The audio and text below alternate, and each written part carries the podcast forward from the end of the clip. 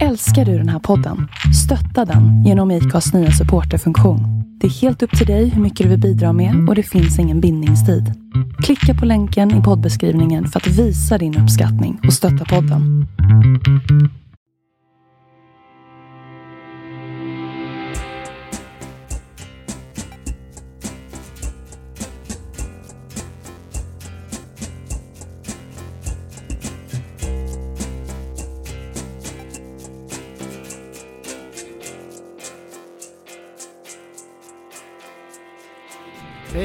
Och varmt välkommen till Andreas och Viktor förklarar politik. Hej Andreas! Hej Viktor! Vi eh, sitter här på vår lånade studio på Clarion Sign i, mitt i Stockholm. Yes, här Eh, är... eh, Julruschen pågår utanför. Exakt. Vi äter lunch innan här. Nu ska vi avverka ett antal avsnitt så vi får lite julledigt eh, över de här tre veckorna som kommer. Mm. Nej precis. Det har varit ett eh, långt år för oss i alla fall. Mm. Som nu går mot sin ända. Mycket, mycket ak- aktiviteter. Mycket kampanjande och andra saker som har hänt. Mm. Och eh, vi ska i de två kommande avsnitten summera decenniet faktiskt. Ja, för vi går inte bara in i ett nytt år, vi går också in i ett helt nytt eh, årtionde.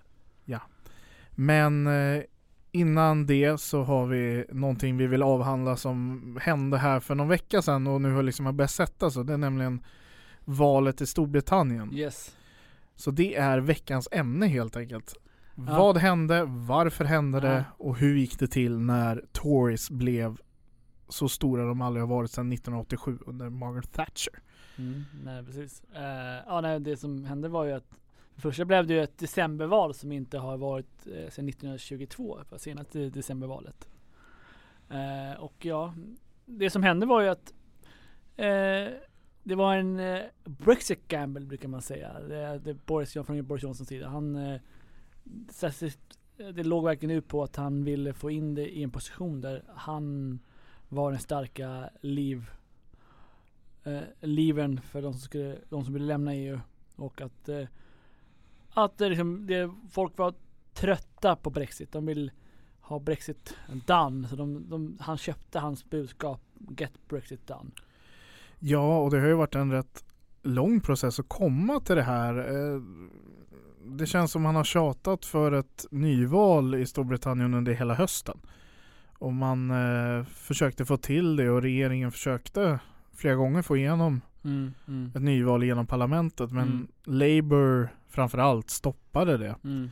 Varför stoppade Labour ett nyval? Det känns väl ändå som ett oppositionspartis främsta roll är väl att gå till val och försöka avsätta regeringen. Ja, det var det de fick höra hela tiden från Boris eh, Johnson att eh, Jeremy Corbyn har sagt hela tiden sen det senaste valet att han vill ha ett nyval och vill avsätta den här regeringen.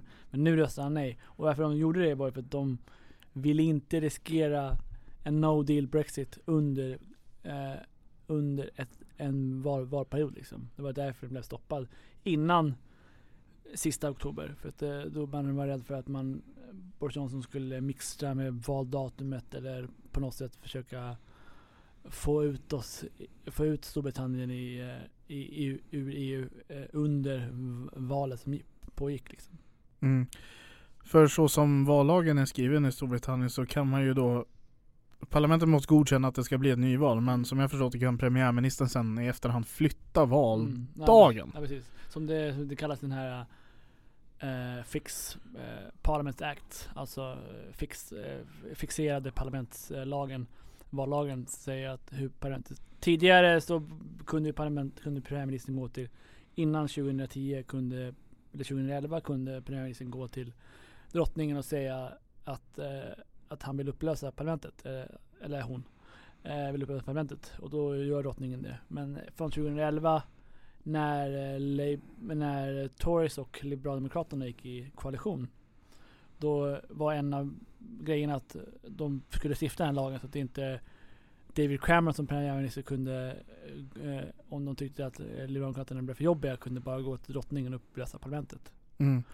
Och det var väl i lite större paket där man också ville reformera ja, valsystemet. precis. Men eh, just den här grejen var ju bara liksom det var det som en, faktiskt en, hände. En koalitionsmekanism liksom Mm. för att skydda koalitionen liksom. Så, det, så det var väl lite, men så det, det var det som var, det var liksom en av kraven för var, var i koalitionen medan valsystemsförändringarna de gick man bara med på att det skulle vara en folk, folkomröstning.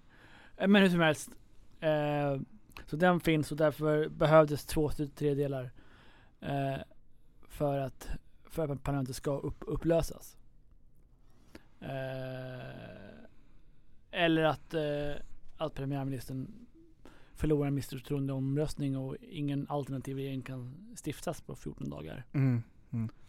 Eh, så att alltså det, så det och därför Därför så Ja, eh, så, så, så, så blev det liksom. Det, det fanns liksom, det, då kunde inte någon bilda majoritet och ingen Labour ville heller inte ha missförtroendeomröstning om de inte visste att de skulle kunna vinna eh, den. Eh, och framförallt om de inte visste om, om de kunde ha en alternativ regering på plats. För då hade man också gått till nyval och Boris Johnson hade kunnat, var man rädd för, fixa en no deal Brexit under valet. Mm. Eh, så att det, ja. Men sen det som hände i slutändan var ju att istället för att eh, göra den här vägen så ändrar man lagen. Som man bara kan göra med en enkel majoritet. Mm. Som eh, Liberaldemokraterna och framförallt SNP, alltså de skotska nationalisterna, eh, erbjöd honom i, slut, i början av november. Att ja, lägg fram ett förslag om ändra om eh, tidigt val, en lag om det så kommer vi rösta för det och då har du majoritet. Mm. Sen blev det en två tredjedelars majoritet Ändå. ändå för att eh, Labour kände att de inte riktigt, om det blir val kan de inte vad de rösta nej till, till val för det känns lite konstigt eh, att, eh, att eh, gå till val och så har man, har man själv inte ville haft valet liksom. Det blir, ger väldigt konstiga signaler till väljarna. Verkligen. Men som sagt, det har varit en rätt turbulent höst. Det har varit ett turbulent vå eller år i eh, Storbritannien. Hela Absolut. Brexitfrågan har ju legat som en våt filt över all All politik, ja. brittisk politik Mm. under Mm. senaste året. Egentligen ända sedan folkomröstningen. Men Mm. nu när det verkligen skulle ske och det har skjutits upp och det har skjutits upp och det har skjutits upp. Mm. Men vi fick till det här valet. Mm. Det var ju ett val lite som Theresa May försökte få till tidigare Mm. Mm. Och hade, men då förlorade hon sin majoritet istället för att utöka den. Mm. Nej, precis. Vilket har varit hela skälet till att det varit så svårt att få Brexit igenom parlamentet. Nej, Det, det, det fanns Tories behövde det nordirländska unionistpartiet DUP Mm. och deras åtta mandat i stöd Mm. för att kunna regera. Mm. Och, Men, ja, och det, och det Theresa May också ville få bort med en stark, stark majoritet var ju att de ville undvika att ha, vara, vara beroende av sina, sina egna eh, extremister eh, ex- i partiet. Eh, så det var också någonting hon misslyckades med. Så hon misslyckades inte bara med att förlora sin majoritet. Eh, hon misslyckades inte bara med att, att liksom inte få bort sina de här E- E- E- ERG som är European Research Group som är någon form av eh, de, den euroskeptiska delen av Tories. mm, Eller ja, de var nu är hela Tories euroskeptisk. Men, eh, nu, men då, de var den, den euroskeptiska delen. Eh, och hon misslyckades med att, att inte kunna utmanövrera dem och till och med behöva ett, ett, ett, litet eh, unionistparti i, på Nordirland för att kunna regera liksom. Vilket, vilket gjorde det ännu, ännu mer kom- komplex. ja, för då hade vi helt plötsligt Nordirlandsfrågan som är känslig nog som den är. Ja.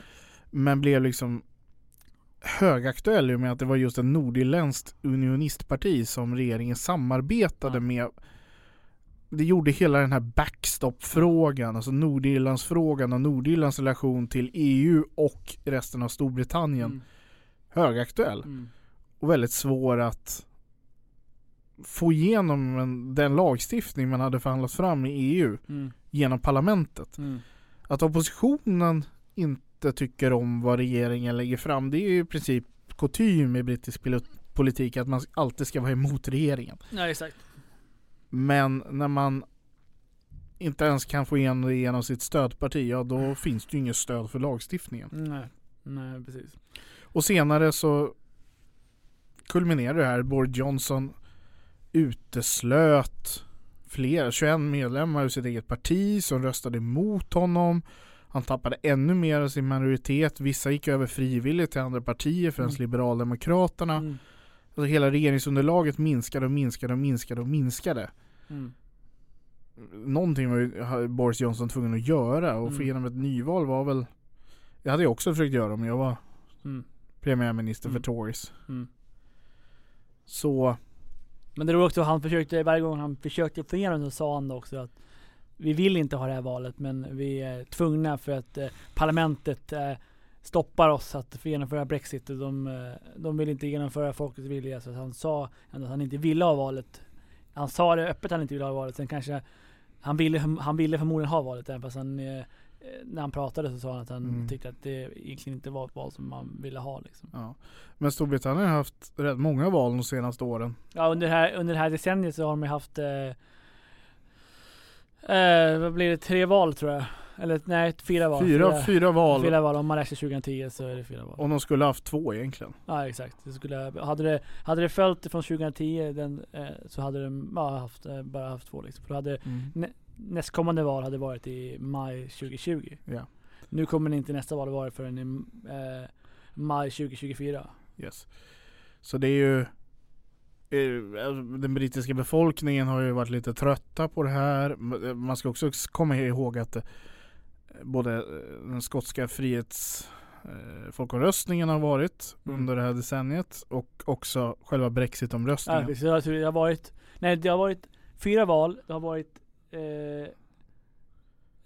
en skotsk folkomröstning och två nationella folkomröstningar. Brexit och eh, den här eh, om det alternativa valsystemet som var 2011 som Mm, mm. många glömt bort för det var inte det är inte också jättesäkert att folkomrösta om ett valsystem så det är kanske inte kanske också därför.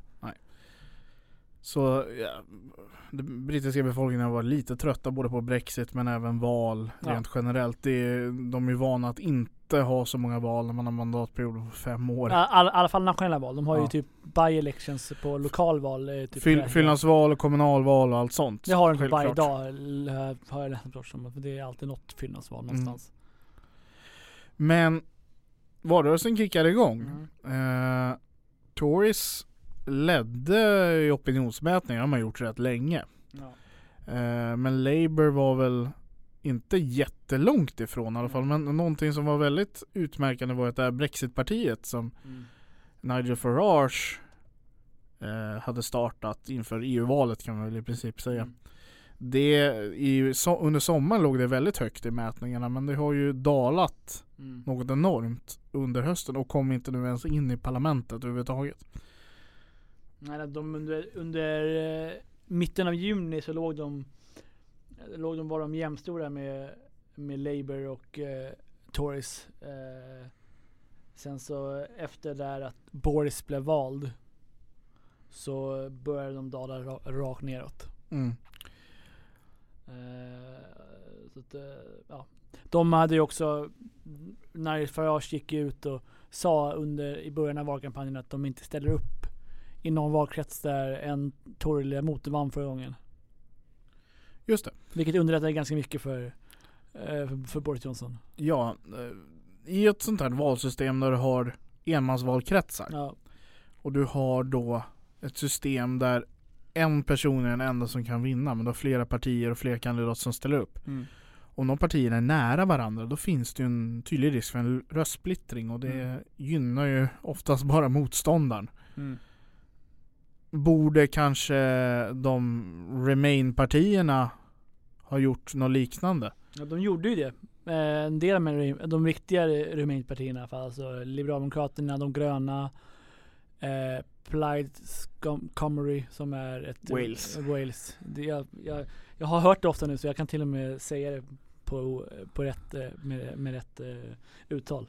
Härligt. Eh, men ja, de, jag kan inte, dock inte säga vad det betyder men eh, förmodligen någonting med Wales nationalistparti eh, antar jag. Eller kanske förmodligen någonting annat. Kymry är väl namnet på språket Ja, alltså det är förmodligen parti, någonting och språk. Ja. Eh, I alla fall, eh, så det var de och de gröna och Plaid Cymru. Eh, så det var, en, det var en Remain, United Remain all- allians i England och Wales.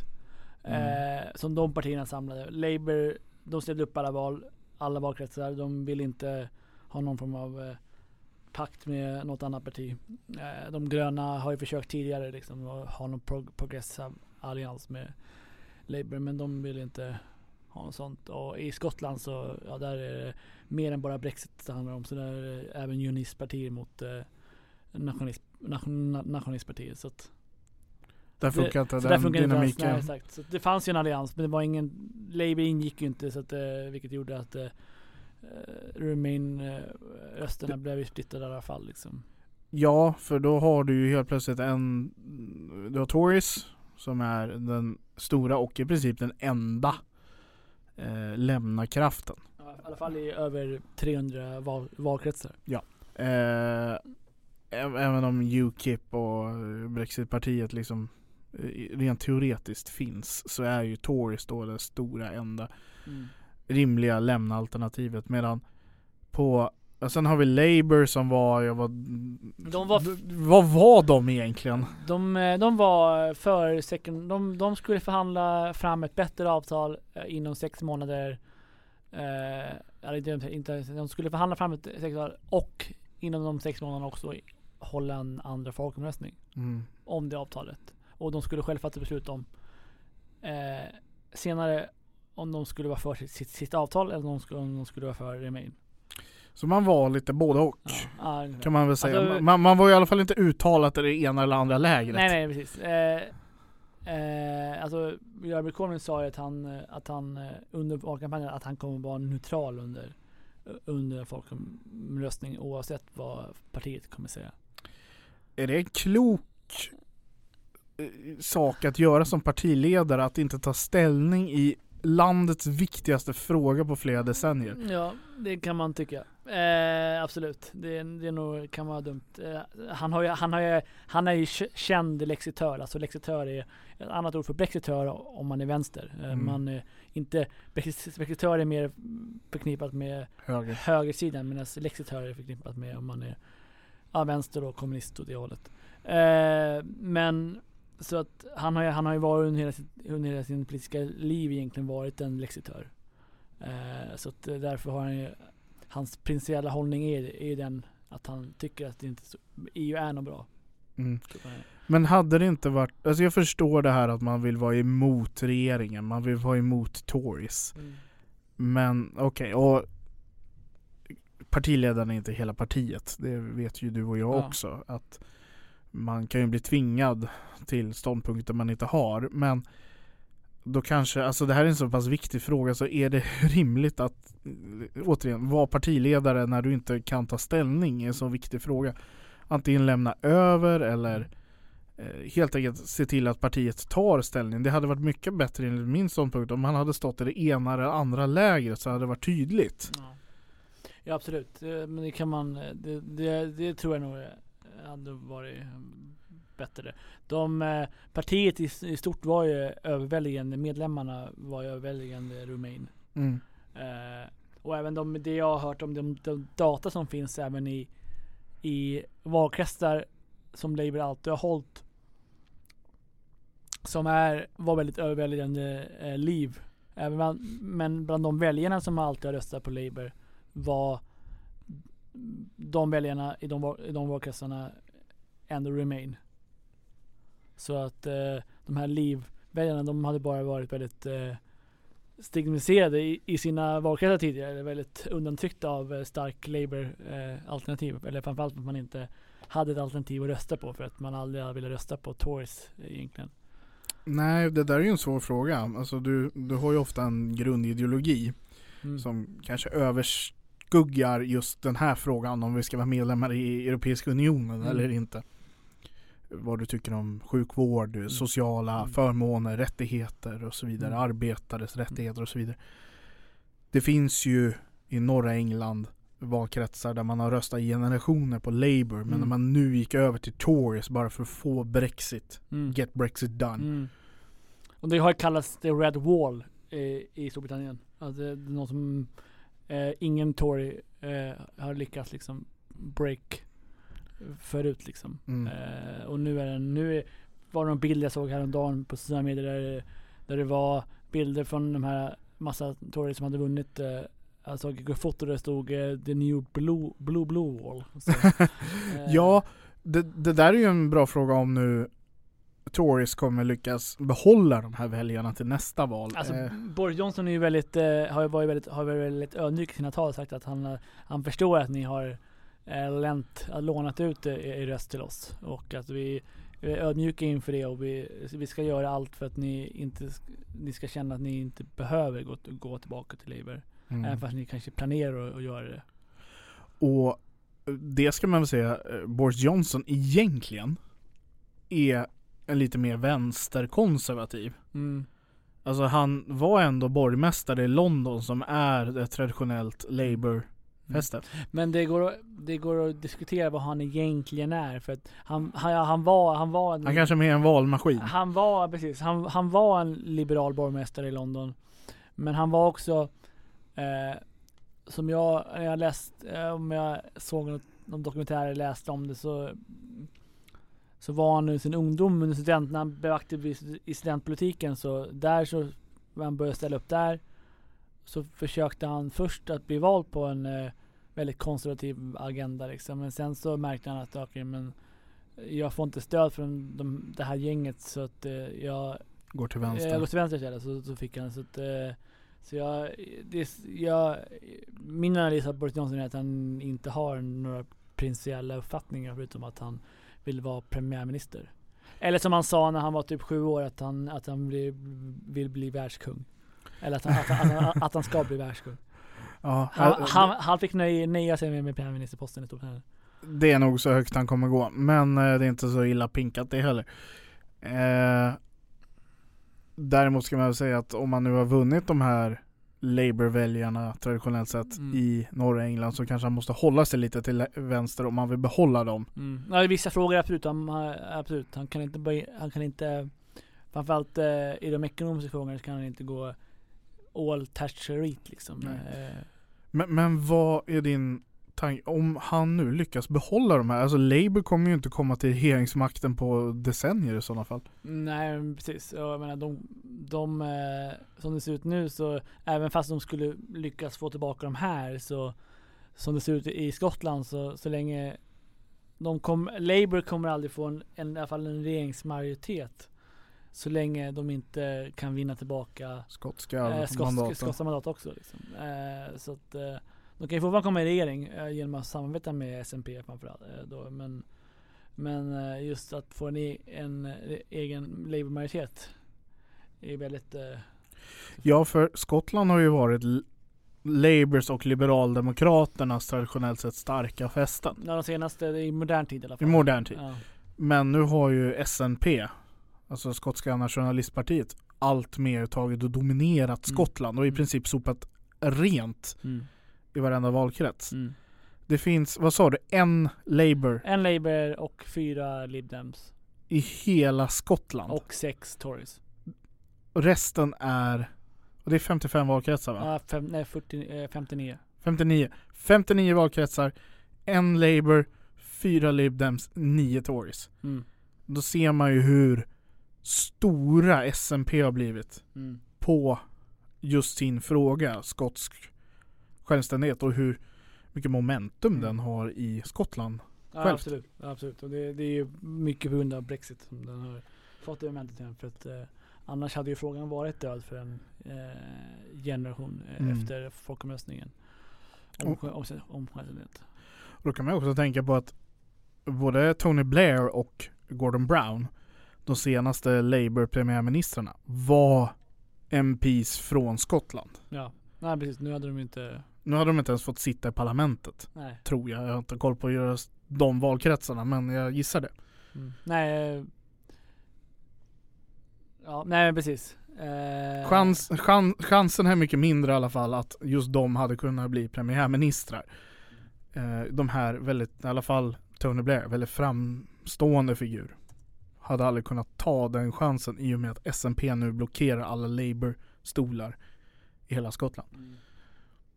Men det här tyder ju på äh, institutionellt stort problem för Labour. Nu är visserligen Tories de som är traditionellt statsbärande partiet i Storbritannien. Men eh, om Labour inte kan hitta nya väljare eller nya valkretsar, hur ska man någonsin komma upp i en majoritet Mm. och kunna ta över regeringsmakten? Det blir ju väldigt svårt. Och Liberaldemokraterna ökade ju väldigt mycket men lyckades inte Jag måste bara rätta dig med, förlåt, men med Ah. Tony Blair. Han, han hade ingen skotsk eh, s- Okej. säte. Han, han satt i, i norra England. Eh. Men han är från Skottland väl? Ja det är det han. Det är, det är så, mycket, så mycket vet jag också. Jag vet att både han och eh, Gordon Brown är, är från Skottland men jag tror aldrig Jag tror varken någon av dem har suttit, eh, Gordon Brown kanske gjorde det men eh, eh, ja, Tony Blair gjorde det inte. Okej, jag trodde han satt för Skottland. Men man lär sig här i Eh, och- li- livesändning höll jag på att säga. Men det som hände nu i eh, det här valet var att Tories tog Tony Blairs eh, tid, tid, tid, tidigare plats. Mm. Eh, och den, så, så många andra. Så den har ju varit eh, röd eh, sedan 1931. Det är Tony, Tony Blairs eh, säte. Eh, så att, eh, ja. Det, det visar ju på att det är stora problem här för Labour. Om vi ska prata lite eh, Lib Dems kanske. Mm. Alltså, det här partiet gick ut och sa att vår partiledare ska bli nästa premiärminister. Mm. Eh, de gick som tåget och de ökade också visserligen procentuellt sett. Mm. Men de minskade ett mandat i valet. Är det valsystemets fel eller är det deras kampanjs fel? Alltså, vad hände med Lib Dems? Alltså det är både och. Alltså själva att de inte ökade i mandat men ökade i röstandel. Det är ju såklart valsystemets fel. Mm. Men utifrån att de vet vilket valsystem de hade eh, så får man ju säga att alltså får man säga att det är de, alltså jag vet inte, det är många som blamear och säger att de gjorde, gjorde, gjorde en del fel och det gjorde de nog. Eh, de, drev en väldigt hård centrerad eh, personvals eh, premiärministerkampanj kring Joe Swinson. Alltså med det här Mm, mm. Joe's party och sådär. Så, men problemet var att hon var inte så känd från början. För det har alltid varit ett problem för Liberaldemokraternas ledare att de aldrig är så kända. Eh, men hon blev mer känd. Och man märkte när hon blev mer känd var att hon blev mer impopulär också. Mm. Så när folk lärde känna henne blev hon också mer impopulär. Det kan man ju säga att det visste inte att, de, att det skulle ske. Så att, Det, det är ju, man hoppas ju, om man tror på sin partiledare, Ja. att den ska bli mer populär ju mer folk lär känna dem. nej Men, exakt. exakt. eh, visst. Eh, eh, och, eh, men utöver det så, alltså det är många under kampanjen kritiserade dem för också för att de, de ställde upp emot eh, där liksom Labour var den enda som hade chans att vinna och där det var en stark Remain Labour-kandidat och så, här, så det kritiserade mycket för också. Det man kan säga är att hade de och att de var väldigt hårda mot Labour, de gick attack mot dem och hade de inte gjort det så hade eh, moderata Tories inte röstade, väljare inte hade ville rösta på dem. Nu gjorde de, det var en del som gjorde det men de kanske var ännu mindre som hade gjort det om de hade varit vänligt inställda och hade någon form av eh, cooperation med Labour på något sätt. Ja, Eh, och framförallt så ville ju inte Labour heller stand down för dem liksom i säten där Demokraterna hade chans. mm, mm. Eh, så att, så, eh, så att hade de gjort det hade de, hade de behövt göra det ensidigt liksom utan att eh, Labour hade gjort det för dem. Eh, så det kan jag tycka att de kunde ha gjort i alla fall. Men sagt, då hade de förlorat väljare om de hade gjort det för de hade samarbetat med med, med, med Corbyns parti liksom. det, det är lite moment 22 här, vad ska vi Ja göra? Ja. Men jag hörde i Europapodden, alltså Sveriges Radios podd om EU-politik och Europapolitik, eh, att en av kommentatorerna drog analysen att Storbritannien inte riktigt, i alla fall i modern tid, alltså kvinnliga partiledare går inte hem. Mm. Det var den kommentatorns analys. Om vi ser Theresa May och nu Joe Swinson. Mm. Båda åker på storstryk. Eh, av inte helt uppenbara anledningar. Nej. Alltså väljarna tycker inte om dem helt enkelt. Nej. No. Är Storbritannien för konservativt för sitt eget bästa här kanske?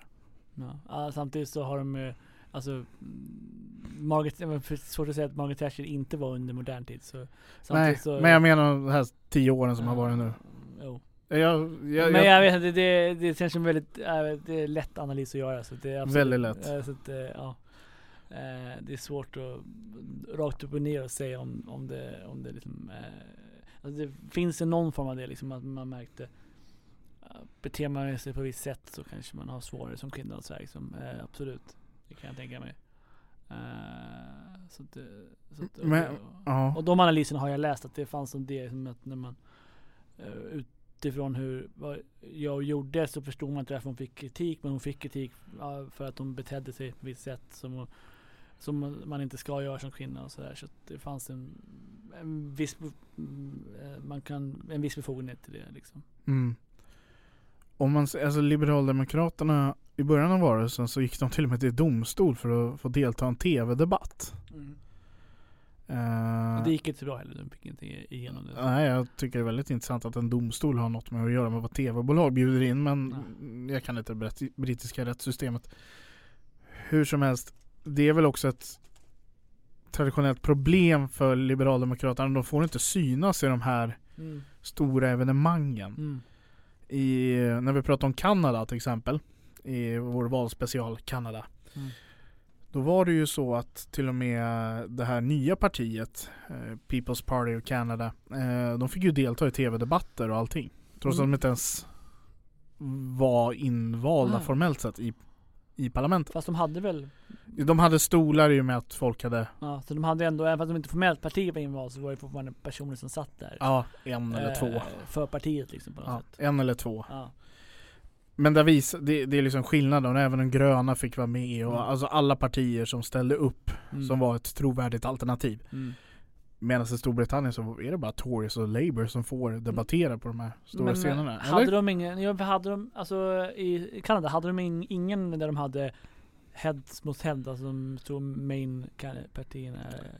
Eh, nej. Okej, för det, alltså det skillnad, de hade ju de hade ju liksom några, några sådana här tv-sändningar där det bara var Boris och eh, Corbyn. Men sen Mm. hade de ju också där det var fler partier. Mm. Så att, men det i Kanada hade alltså ingen där det bara var två partier utan det Nej, det var ingen statsministerdebatt liksom. Nej, som vi okej. till och med har i Sverige. Alltså, så det, okay, så det, så det, så det där var ändå, det var ändå, det fanns ju ändå alternativ för alternativa partiledare att dyka upp Ja, i debatten ja. i, i, i Storbritannien. Så. Eh, men ja, så det, det, alltså, brittiska, just där så är det ganska likt det svenska liksom. Att det, ändå, det är ändå så att eh, de två stora partierna Mm. eh, som är statsbärande får möta varandra liksom i Sverige också. Så, att, Ja. eh, så, så där var det där, det förstärker, i Storbritannien blir det förstärkning då, men att när det finns så, två så, så starka partier att man undanskymmer de andra partierna då liksom, till skillnad från Sverige där man ändå kan rösta på ett mindre parti utan att vara rädd för En bortkastad röst. bortkastad röst liksom. Eh, Men det var Liberaldemokraterna. Det gick ju så illa så att Joe Swinson förlorade sin Ja, stol i Ja, parlamentet. hon, var, hon satt i, sin, eh, i skotsk eh, På ett skotsk mandat ja. Så, och så hon hade, men det, hon kan nog komma tillbaka för att hon, hon har kommit tillbaka tidigare. Så hon har Mm. f- tidigare förlorat den. Tror jag också då till, ja hon förlorade också då till en uh, skott, uh, skott SNP. eh, SNP. Eh, så att, eh, så att hon, jag tror hon, kom, hon kom tillbaka i valet 2017 faktiskt. det stämmer. Så hon har bara suttit i, i, i tre år. Eh, hon har inte suttit i, ja hon, hon satt i fem år under, under koalitionsregeringen. Men, så hon har egentligen bara varit borta i två år. Mm. Men hon blev av med partiledarposten i Ja. alla fall nu eftersom de- Reglerna säger att, eh, du måste sitta i parlamentet för att vara partiledare. Ja. Egentligen är du gruppledare Ja. i- om man översätter det till svenska ja, systemet. Eh, deras partiledare är ju som ja fast det, vår partisekreterare. Ja typ. exakt. Fast för man är ju fortfarande partiledare medan man är party president eller party chairman. I, i, i Libyen kallar man det party president, i Tories och Labour kallar man det för Party chairman. Mm. Eh, det är olika namn bara. Ja.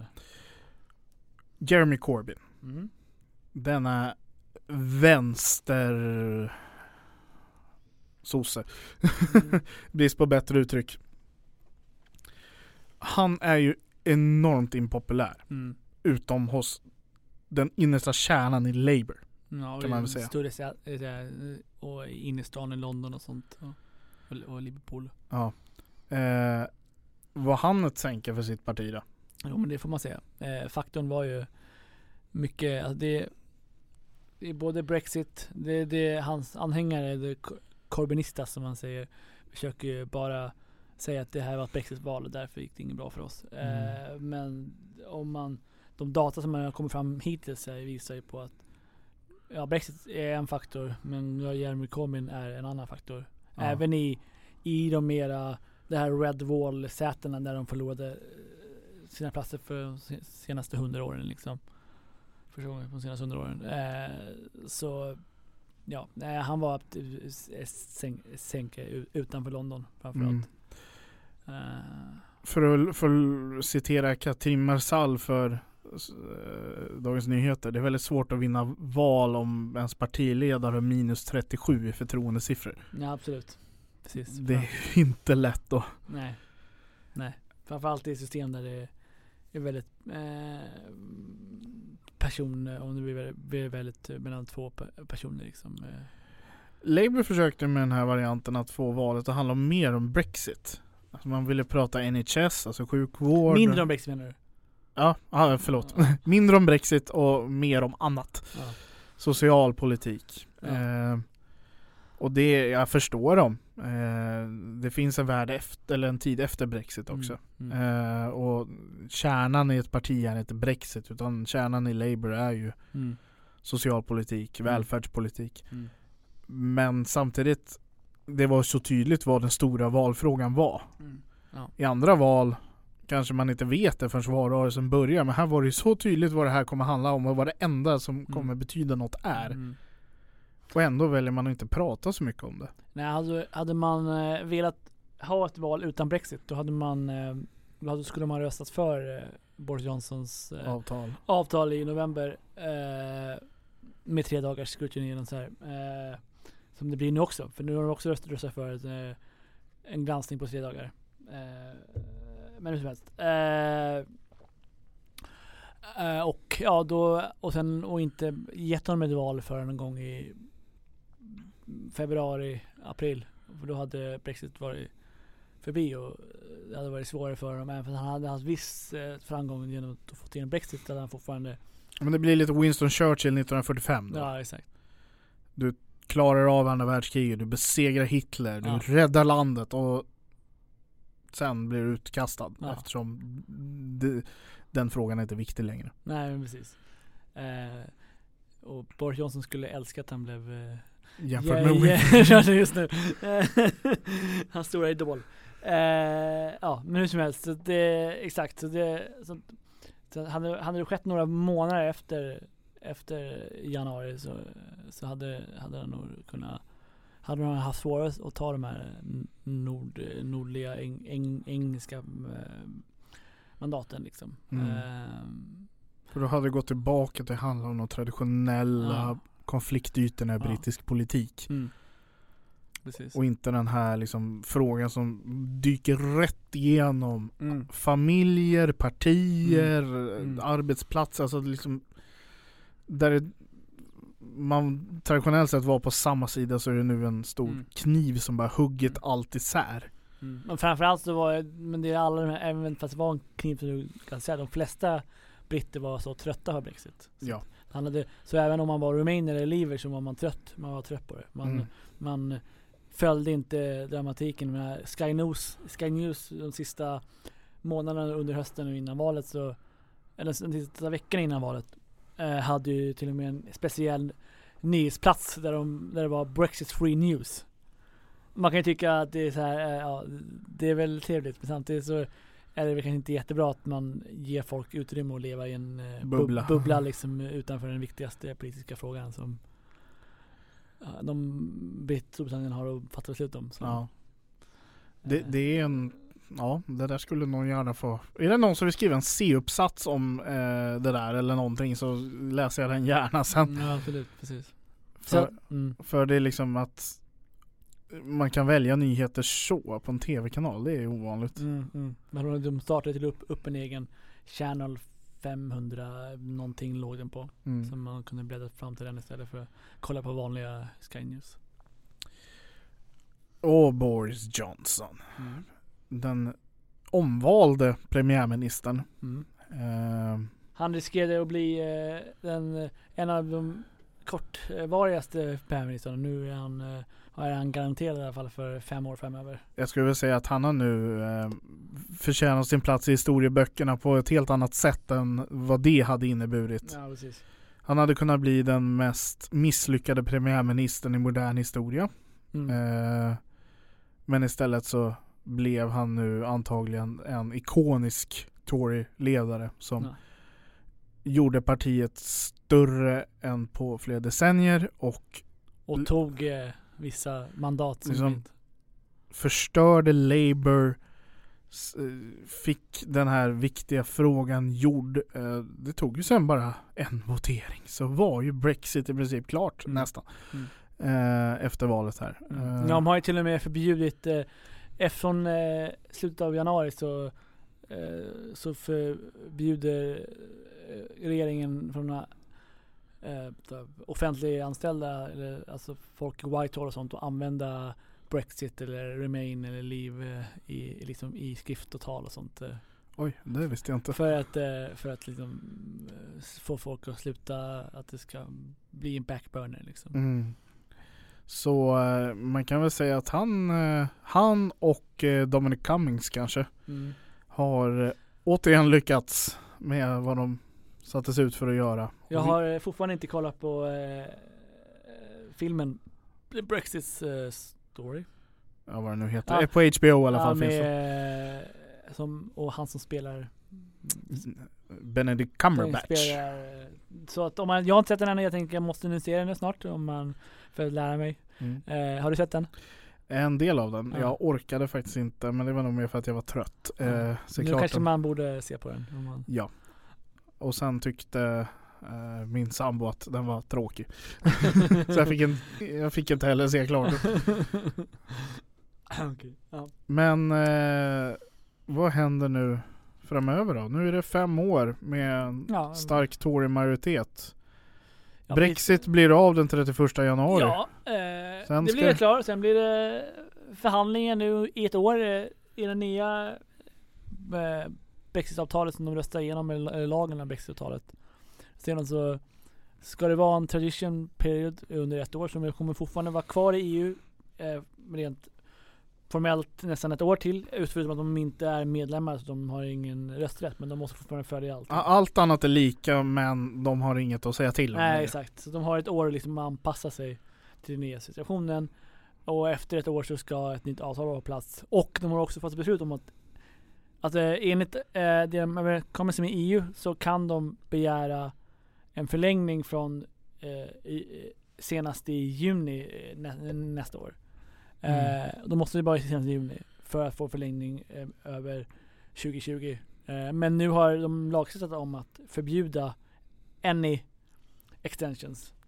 eh, så att, vilket de tycker att det är, de tycker det är en liksom, inte att skjuta själv i foten utan det är, det är en styrke, styrka visa att, att de, att de har förhandlingskorten precis. Att slänga bort sina handlingsalternativ är väldigt populärt i brittisk politik, något jag har lärt mig. Ja, ja, precis. Det är, Så bara, äh, det här kortet, äh, det behöver vi inte. Äh, men det, nej. Man kan ju säga att eh, även fast det här är en lag nu så har fortfarande Boris Johnson en 80 plus majoritet så han kan ju bara få för sig att ändra lagen. Är självklart. Så att eh, det här kan ju bara vara en spel på gallerierna för att säga att eh, ja, vi ska lämna om ett år.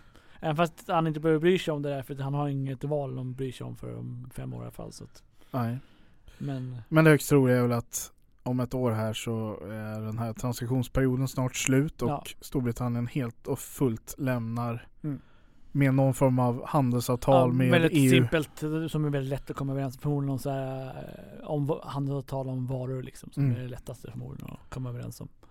Och kanske någonting om service för det är väl det som är deras eh, nisch. Att det är deras Banker och sånt Ja. är ju... Mm, Ja precis, men det, det vet men, men framförallt så, ja jo precis. Någon form av, eh, för det, det är det som de, de, är ju, de har ju underskott när det kommer till varor med oss, med övriga EU. Ja. Men de har en fördel när det kommer till service eh, gentemot oss. Så Ja. att, eh, eh, så att, eh, så att alltså, så det är någon form av sånt avtal liksom som inte blir för mycket, för det kommer ju vara långt ifrån det de har idag liksom. Men någon form av eh, serviceavtal kanske de får. Kanske. Kanske, kanske inte. Den som lever får se. Ja. Eh, Eh, ja, sen så är det ju fem år av eh, Tory-majoritet så det kommer vi få se vad... Och det var ju ganska... Manifestet de hade var ganska... Inte alls brett liksom. Så man, det är väldigt lite utlovat egentligen Mm, från mm. Tories. Så man vet inte, egentligen inte alls vad de kommer föra för politik. De, är, de har sagt att de vill eh, eh, se över de konstitutionella ramarna och domstolen och sådär och se så. Och de vill kanske de vill också avskaffa the Fixed Parliament Act. Så mm. de säger inte vad de ersätter den med. Så de, kunde lika, de kan lika gärna strunta i att ha en Fixed Parliament eh, överhuvudtaget om de inte ersätter den med den tidigare lagen de hade eh, innan 2011. Ja, den som lever får se helt enkelt. Det är liksom mm, hyfsat traditionell Tory-politik kanske. Ja, eh, men lite mjukare för att försöka behålla de här väljarna där i norra England. Ja, en, del andra satsningar så liksom. Precis, ja. Eh, så får vi se vad som, någonting händer ju definitivt. Ja, Eh, om det blir mjölkkartonger som drabbade Margaret Thatcher eller liksom alltså vad är det som Det blir väl, det är en sak kan man ju förse. att Brittisk politik kommer att bli tråkigare. I alla fall lite tråkigare. Än Ja. vad det har varit. Alltså det, det, den kommer fortfarande vara, jag tror fortfarande kommer vara mer underhållande än vad svensk politik är. Ta, det- Talen kommer att vara lika färgstarka Ja. men det blir ingen spänning i vad besluten Nej, kommer exakt. bli utan vi vet vad det regeringen lägger fram det är det som kommer hända. Sen kommer Jeremy Corbyn som har sagt att han inte ska leda Labour nästa val men vi vet inte när och om Nej. han avgår. Men det blir en, det blir en, det blir någonting i början av nästa år. Så Ja. mycket vet vi. Men, eh, och, eh, och Boris Johnson kommer förmodligen komma med en massa konstiga uttalanden till och från liksom. Han Ja. blir den nya brittiska Trump liksom. Som Trump trodde var en eh, positiv eh, bemärkelse. Eh, nej. Eh, ja. Men eh, ja, det är väl eh, det var väl det det. var väl det. det väl- ja, det är lite för prediction och sådär, vad som kan hända och så. Men ja. Och med det så är vi klara här för idag i alla fall. Mm. Och jag hoppas ni tyckte det var intressant och har lärt er något nytt om brittiska valet. Ja, och ja, då tycker jag att vi först igen kan vi tacka Claron för att Ja. vi får vara här. Och så god jul på er. God jul! Det är julafton imorgon så att eh, Exakt. Eh, hoppas det blir en underbar jul, att ni får lite ledigt och lite Kalle Anka. Kalle Anka klockan tre. Eh, god mat och eh, att eh, man hinner vila upp sig lite. För det har varit ett hektiskt år. Och lyssna på lite poddar. Som den här. Ja, eh, har ni inte hunnit lyssna på alla våra avsnitt innan eh, så är det ett gyllene tillfälle här nu under julledigheten. Precis. Med det, eh, glöm inte heller att gilla vår Facebook-sida. Eh, det är där vi, Och följ oss där poddar finns. eh, så ses vi igen vi. nästa måndag. Yes. God jul Viktor. God jul Andreas. Ha det bra. Ha det bra. God jul alla lyssnare. Hej.